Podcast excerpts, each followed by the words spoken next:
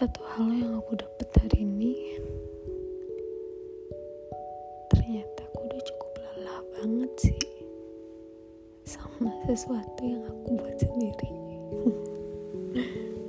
Terlalu banyak diem. Menganggap semuanya akan baik-baik aja.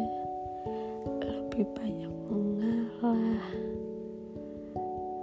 Banyak mikirin perasaan orang sampai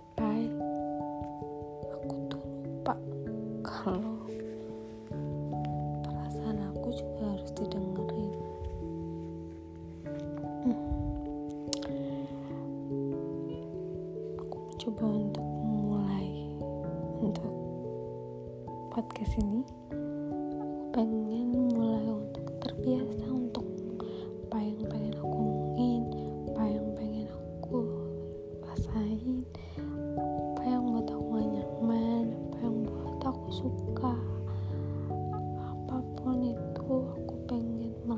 melatih diri aku untuk bisa ngomong lewat podcast ini. Jadi pelan-pelan satu-satu.